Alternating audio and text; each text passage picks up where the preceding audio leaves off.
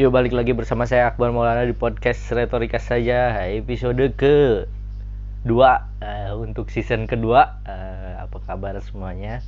Uh, gimana kabarnya? Uh, di bulan Maret akhir bulan Maret yang tahun 2020 yang sangat sangat sangat menyedihkan ya menyerah mengerikan. Karena ada penyebaran virus yang mematikan yaitu virus corona. Uh, ya ya gimana ya orang udah kejadian kayak gitu ya kalian ya sabar aja lah.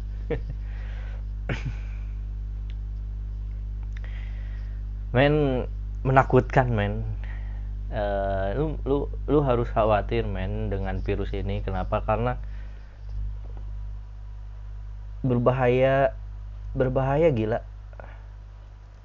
Berbahaya berbahaya sekali gitu penyebarannya. Banyak hal yang menyeramkan dari hal ini gitu. Serem kan asli banyak hal yang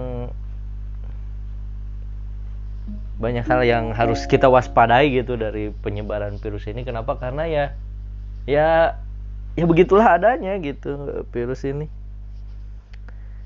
Begitu men, saking menyeramkannya ya sampai gak boleh ada orang perkumpul berkumpul lagi gitu yang bisa kebayang lah gimana seremnya gitu kan. Dan ya emang harus kayak gitu mungkin kejadiannya udah gimana gimana gimana kitanya juga sih apa yang harus kita persiapkan gitu ya. Yang paling berbahaya itu sebetulnya ya karena penyebarannya karena penyakitnya tuh penyakitnya uh, cukup mematikan gitu ya tapi bisa bisa dihindari untuk tidak semematikan itu. Cuman penyebarannya itu yang ekstrim. Jadi kadang dari satu orang jadi 10 orang gitu yang kena. Dari 50 orang gitu jadi 20 orang yang kena gitu. Itu sih yang menyeramkannya. Dan dan gimana gimana mungkin itu nggak jadi perhatian kita gitu. Kalau itu menakutkan men. Ya kita uh ikhtiar aja gitu ya. Ya semoga ini segera berlalu dan ada tindakan-tindakan yang ekstrim yang bisa dilakukan untuk memperbaikinya gitu ya. Gue khawatir sih. Gue gue khawatir sih karena gue sendiri rentan gitu terhadap penyakit flu dan sebagainya gitu. Kan ini dari dari apa dari penyebaran yang paling ekstrimnya itu adalah dari dahak atau dari bekas batuk orang atau dari tangan gitu berjabat tangan.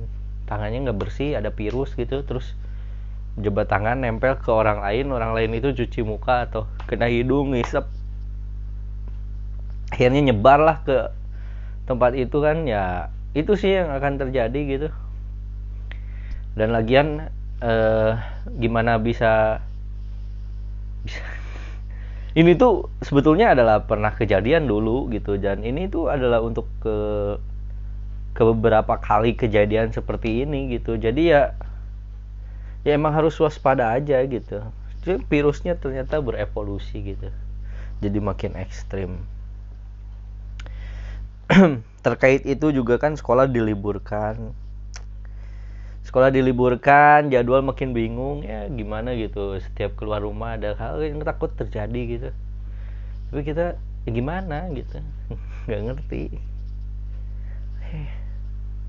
Ya pokoknya lebih banyak berdoa aja deh.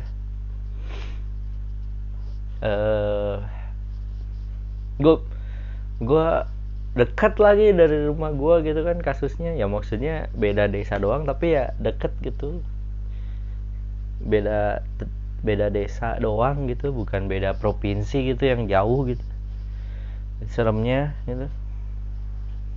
Dan ya banyak juga kan yang yang yang yang terkena gitu maksudnya yang yang nggak tahu dia teh kena atau enggak gitu. Sehat-sehat aja tapi ternyata dia punya virus gitu baru kerasa setelah 14 hari gitu. Sementara dia masih kerja gitu. Itu sih yang bikin menyeramkan gitu karena karena ya emang virusnya tuh nggak kena sekarang terus hari ini juga sakitnya gitu enggak ada 14 hari dia untuk uh, memben, mem, menunjukkan gejalanya gitu gejala sakitnya itu sih yang paling berbahaya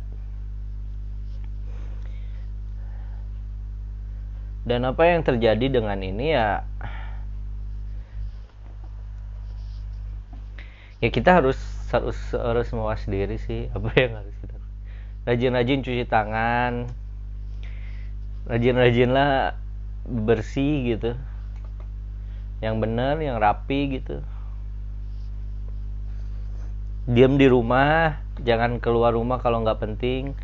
Kalau keluar rumah yang penting itu tahu jadwal gitu istirahat. Jangan keluar rumah untuk hal yang nggak terlalu penting. Kalau sakit langsung diem di rumah jangan ke mana-mana. Ya gitu sih solusinya ya. Apalagi gua minggu lalu ke lu Bandung gue ke Bandung minggu lalu nonton stand up comedy show Bel Air Revolution dari stand up comedy show Bel Air Dani Bel Air. Itu pertunjukan uh, stand up comedy dari Dani Bel Air itu seorang komika alumni Suci 7 dari Bogor. Dia juara tiga waktu itu dan dia juga pernah ikutan Maharaja Lawak di Malaysia juga. Gitu ya dan gimana shownya? Ya menarik menarik. Menarik. Menarik menarik shownya. Uh, ya dari awal gitu ya ada kom komedian apa ada ada MC MC MC-nya dari stand up Indo Bandung. Uh, apa yang uh, apa yang bikin grup gitu grup grup bercanda entertainment Betawi Jawa Sunda. Ya itu ya uh, eh, MC-nya dan gue cukup gue tuh gue tuh agak takut gitu ya uh, gim gimana caranya untuk untuk tidak ter terhack. Jadi dalam dalam apa dalam panggung stand up itu ada yang disebut dengan heckling. Uh, apa? Eh riffing riffing. Maksudnya mencari kelucuan dengan penonton gitu. Jadi berkomunikasi ngobrol dengan penonton mencari kelucuan dari hal itu. Dan gue tuh takut gitu ya kalau kena riffing. Jadi berusaha untuk menghindari jawaban pertanyaan pernyataan pertanyaan dari MC gitu. Kayak ada yang dari, dari luar kota? gitu pertanyaannya. Terus gue males jawab gitu. Karena gue tahu nanti di follow up terus nanti dia mencari kelucuan dari sana gitu. Ya mungkin karena gue pernah gitu ya kayak gitu di di di ban di Pangandaran gitu waktu acara eh, waktu acara sama sama sama orang BJB gitu dan dan ya emang emang emang se, se, se men, ya maksudnya se setakut itu gitu terhadap riffing gitu. Karena waktu di situ juga si MC-nya juga nge-riffing gitu. Kayak bapak kenal? Bapaknya namanya siapa? Nikah? Ini jomblo? Terus ngomong gitu kayak disuruh manggil nama MC-nya dengan dengan heboh gitu. Ma maksudnya itu seberani. Gue nggak seberani itu gitu. Padahal gue pengen gitu ya tampil di panggung. Tapi gue gue gue seharusnya ya gue seharusnya mau sih jadi bahan tertawaan orang. Maksudnya gue mau gitu jadi objek tertawaan orang tapi itu tuh men menyedihkan gak sih untuk jadi objek tertawaan orang gitu?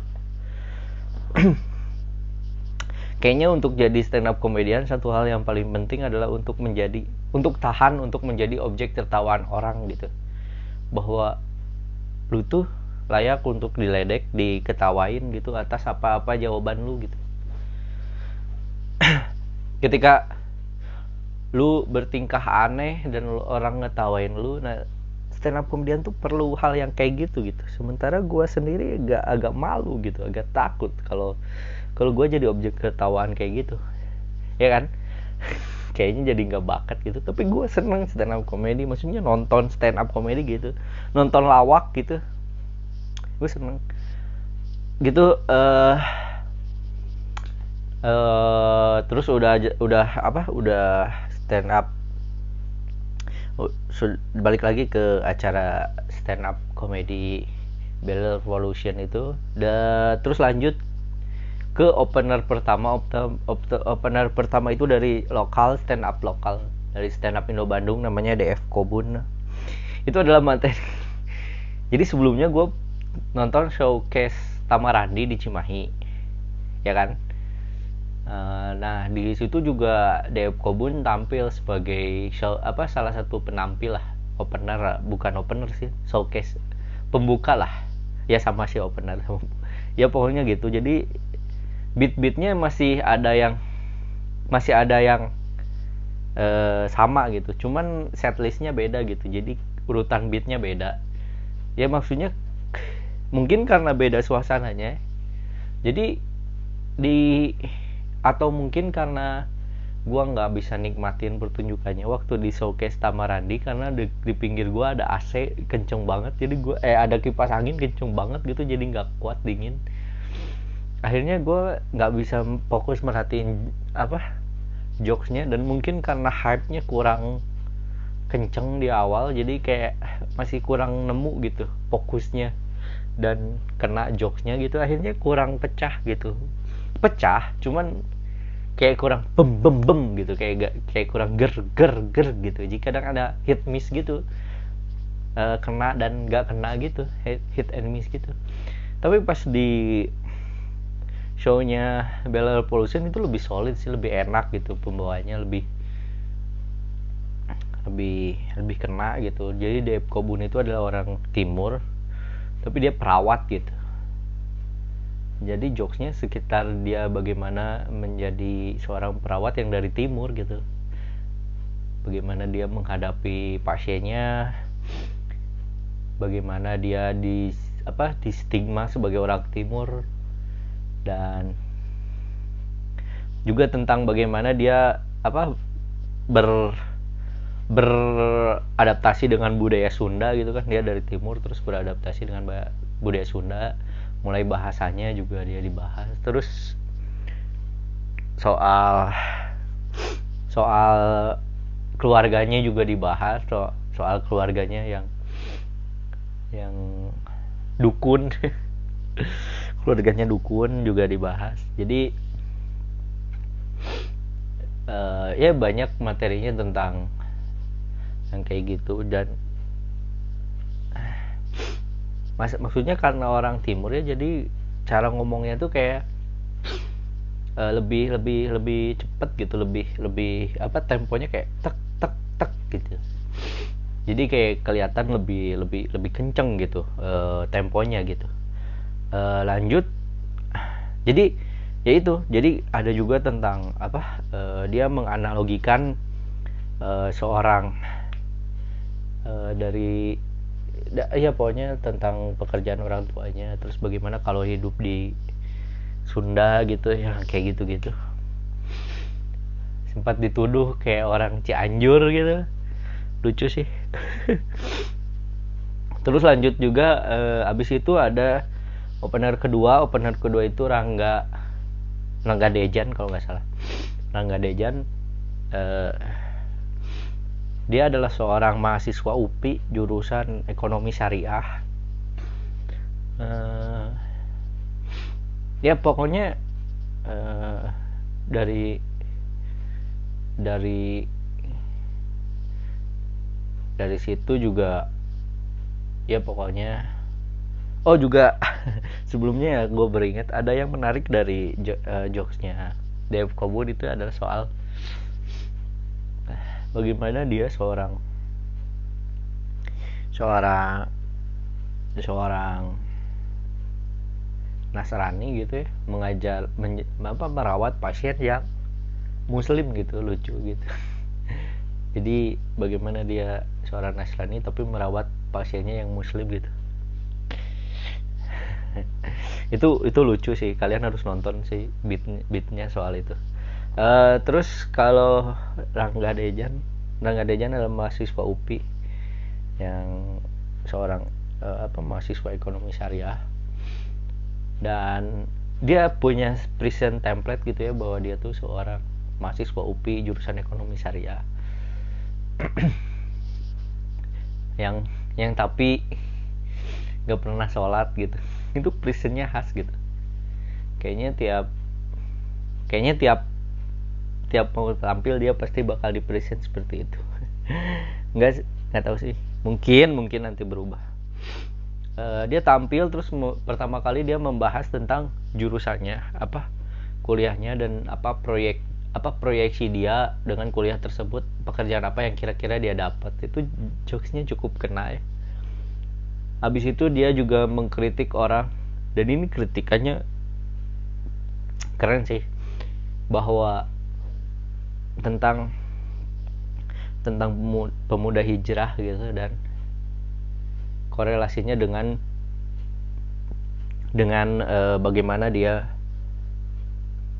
konsisten untuk beribadah gitu. Dan maksud gue lucu sih cuman cuman menurut gue kurang kurang kurang ger gitu.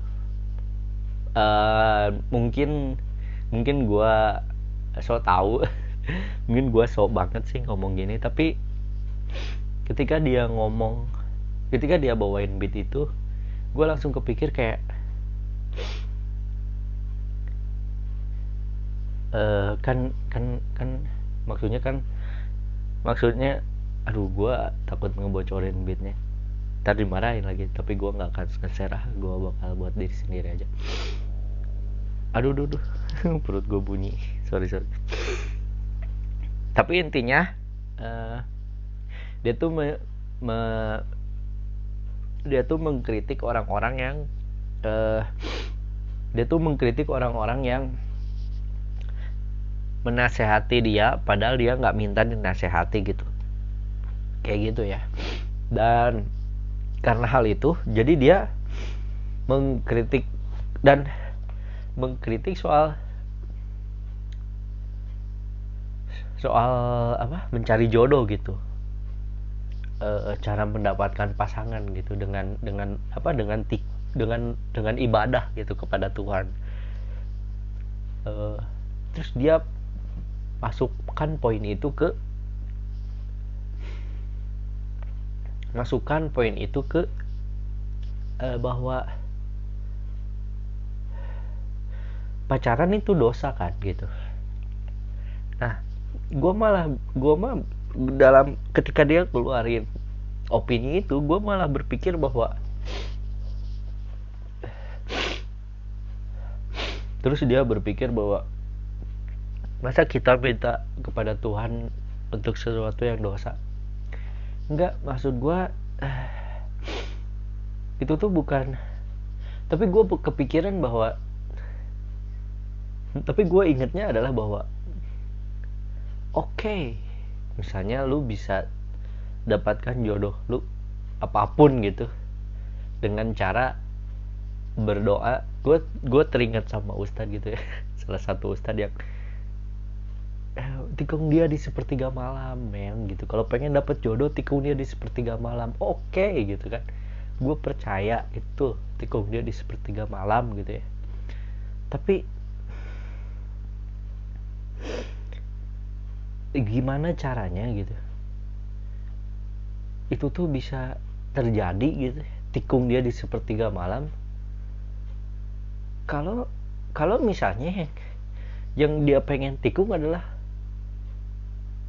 artis gitu. Atau orang yang hampir mustahil didapat. Misalnya Gal Gadot gitu. Gal Gadot tau kan pemeran Wonder Woman gitu. Terus kayak gue pengen jadi pasangan Gal Gadot. Terus gue kayak, kayak tikung dia di sepertiga malam. Truk langsung berdoa gitu. Just uh, bukannya kalau mau lebih baik adalah doanya dengan ya Allah berikanlah saya jodoh yang terbaik. Mungkin dia salah satunya. Kalau enggak ya ya saya min ya maksudnya adalah berikanlah saya jodoh yang terbaik aja gitu mau siapa pun gitu. Jangan langsung sebut nama ya Allah coba saya pengen jodohnya dia. Ya Allah tikung dia. Gitu loh. Nggak. Gue langsung kepikiran ke sana gitu. Tapi dia tapi si Rangga ini mah membalikannya ke pacaran gitu ya. Ya mungkin mungkin itu lebih work apa lebih kena joknya ya daripada yang gue maksud tadi. Tapi itu lebih ekstrim sih maksudnya nyindirnya kalau yang gue ya kayak lebih ya enggak men lu kalau udah takdir sama Gal Gadot lu bisa gitu. Tapi ada jutaan orang yang akan melakukan itu gitu. Kayak gue pengen tikung Gal Gadot di sepertiga malam. Semuanya orang di satu ruangan itu langsung berdoa tiap sepertiga malam untuk menikung masing-masing gitu. Gue pengen jadi sama Gal Gadot gue mikir. Hampir-hampir ekstrim gitu. Ya, ya tapi Allah ya tapi terserah lah gue masalah soal keyakinan dan keimanan mas sulit bro. Lu juga jadi panjang nah abis jokes itu dia terus bahas soal kecintaan orang Bandung tentang Persib dan se apa sukanya dia nonton Persib. Jadi dia me menganalogikan kecintaan nonton Persib dengan pekerjaan yang dia yang dia lakukan gitu dan dia menggunakan pacaran kalimat yang sama gitu uh, terlihat terstruktur gitu secara jokes cuman gue nggak tahu sih. Tapi ketika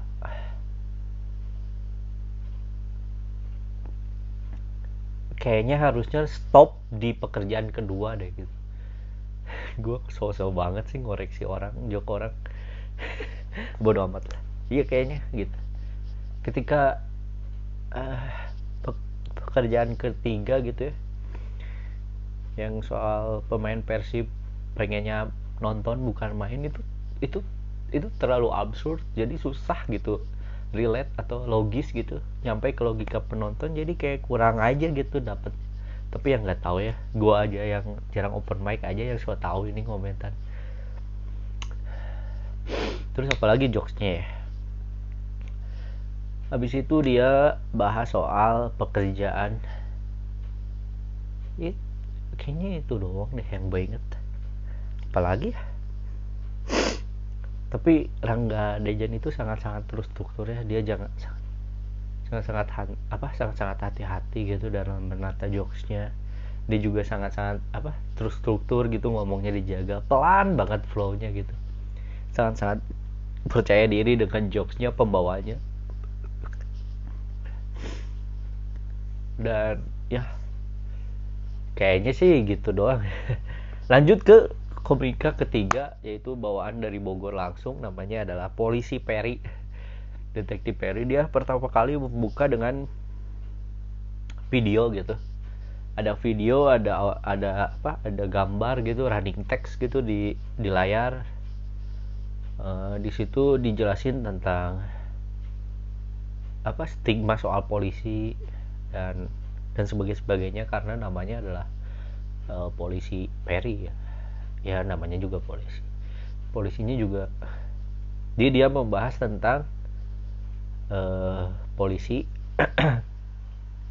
stigma polisi di masyarakat seperti biasa. Terus dia bercerita tentang tentang pengalamannya umroh terus bercerita tentang gue nggak inget sih jokesnya yang yang lain. Yang gue inget soal pengalaman dia umroh terus apa lagi ya? Uh, kayaknya itu doang deh yang gue inget kayaknya itu lucu soalnya. Terus lanjut ke sang penampil utama yaitu Beler Dani Beler Dani Beler pertama kali keluar pertunjukan dia apa dia tampil satu jam lebih tiga menit dua menit gitu. Pas banget satu jam. Pertama di awal dia seperti apa pertama dia uh, di awal menceritakan tentang temannya Ridwan Remin ya ya sama-sama dari Bogor. Dan bagaimana dia menghadapi orang yang dibawa apa dibawa bayang-bayang Ridwan Remin gitu dan bagaimana pengalaman tur sebelumnya gitu. Terus juga dia membahas tentang uh, temennya yang satu lagi yaitu Jawin Nur Ikram. Seorang stand up komedian juga dari Bogor. Dia lebih senior dari dari Ridwan Remin dan dari Jawin gitu. Terus habis itu dia be, be, apa dia cerita soal kenapa judulnya Bel Air Pollution karena si Dani Beler ini udah berubah gitu soal dia memandang bahwa hidup itu harus bersyukur gitu bahwa setiap orang itu punya keuntungannya masing-masing dan dia ngebandingin keuntungan yang dia dapatkan dibandingkan misalnya dengan Rapi Ahmad kata dalam jokesnya. Terus juga dia membahas tentang perubahan itu harus apa harus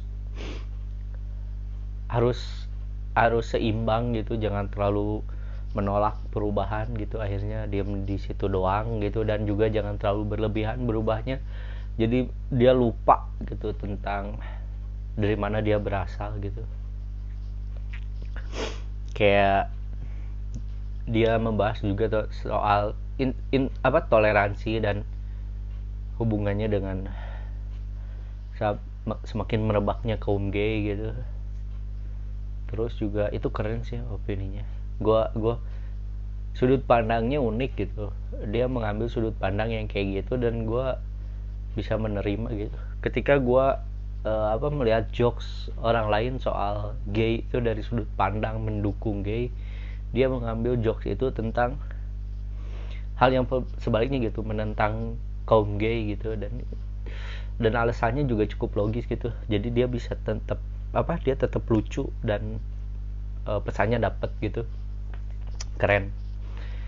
Habis itu dia bahas soal uh, pengalaman dia menghadapi uh, apa menjadi peserta Maharaja Lawak di Malaysia. Terus dia pengalaman dia soal menghadapi perubahan itu bagaimana hubungan dia dengan orang tuanya dengan ibunya terutama dan kaitannya dengan teknologi. Terus juga dia ngebahas soal uh,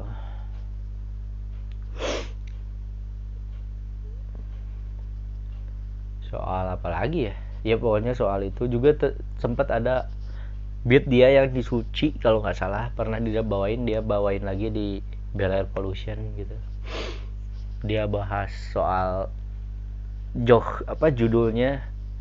Bele dia mungkin nggak akan bikin show lagi sampai bisa menemukan uh, apa kata yang bisa dipelesetin dari Beler gitu.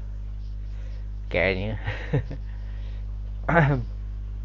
Banyak hal sih uh, yang yang yang maksudnya yang bisa dilihat dari hal itu ya dari stand upnya. Sangat-sangat tenang gitu kelihatan uh, sangat apa sangat berpengalaman gitu tahu cara teknik making dan gue agak apa agak sed, apa agak khawatirnya kenapa? Karena dia sempat goyah di akhir suaranya agak agak kedengeran mungkin karena dia nggak disediain minum. Jadi selama stand up itu dia nggak disediain air minum harusnya dia sediain air minum. Jadi ketika suaranya soalnya suaranya di akhir-akhir tuh kayak abis gitu kayak kedengeran gitu pas di awal masih enak masih kedengeran mimiknya. Tapi di akhir-akhir udah mulai kayak jauh gitu. Jadi kayak perlu minum gitu kayaknya ya. terus kelihatan tenang gitu. Maksudnya masih masih bisa apa meriffing ada yang heckling bisa dibalas gitu. Ya maksudnya sangat-sangat ya kelihatan lah bahwa dia komik berpengalaman gitu. Tahu cara meng, meng, mengatur beatnya. Dan juga selain itu apalagi ya yang dibahas? Ya selain selain keluarga itu sih. Terus bagaimana dia hubungannya dengan masa lalunya? Masa lalu dia yang sebelumnya dengan yang seka yang sekarang perubahan apa yang terjadi gitu sih. Sampai itu selesai deh pertunjukannya dan habis itu gue balik. Uh, eh, gue pulang gue beh gue nyampe rumah deh jam 11 malam. Oke segitu aja untuk podcast kali ini. Mohon maaf kalau ada salah kata. Kok gitu sih? Kayak gue lagi flu. Aduh gue tuh rentan sekali ini aja flu gitu kan ya semoga kita semua diselamatkan dihindarkan dari virus corona yang mematikan itu. Terima kasih dan jangan lupa tetap ini semua hanya retorika saja. Ini hanya retorika saja bukan hal yang penting karena semua ini hanya retorika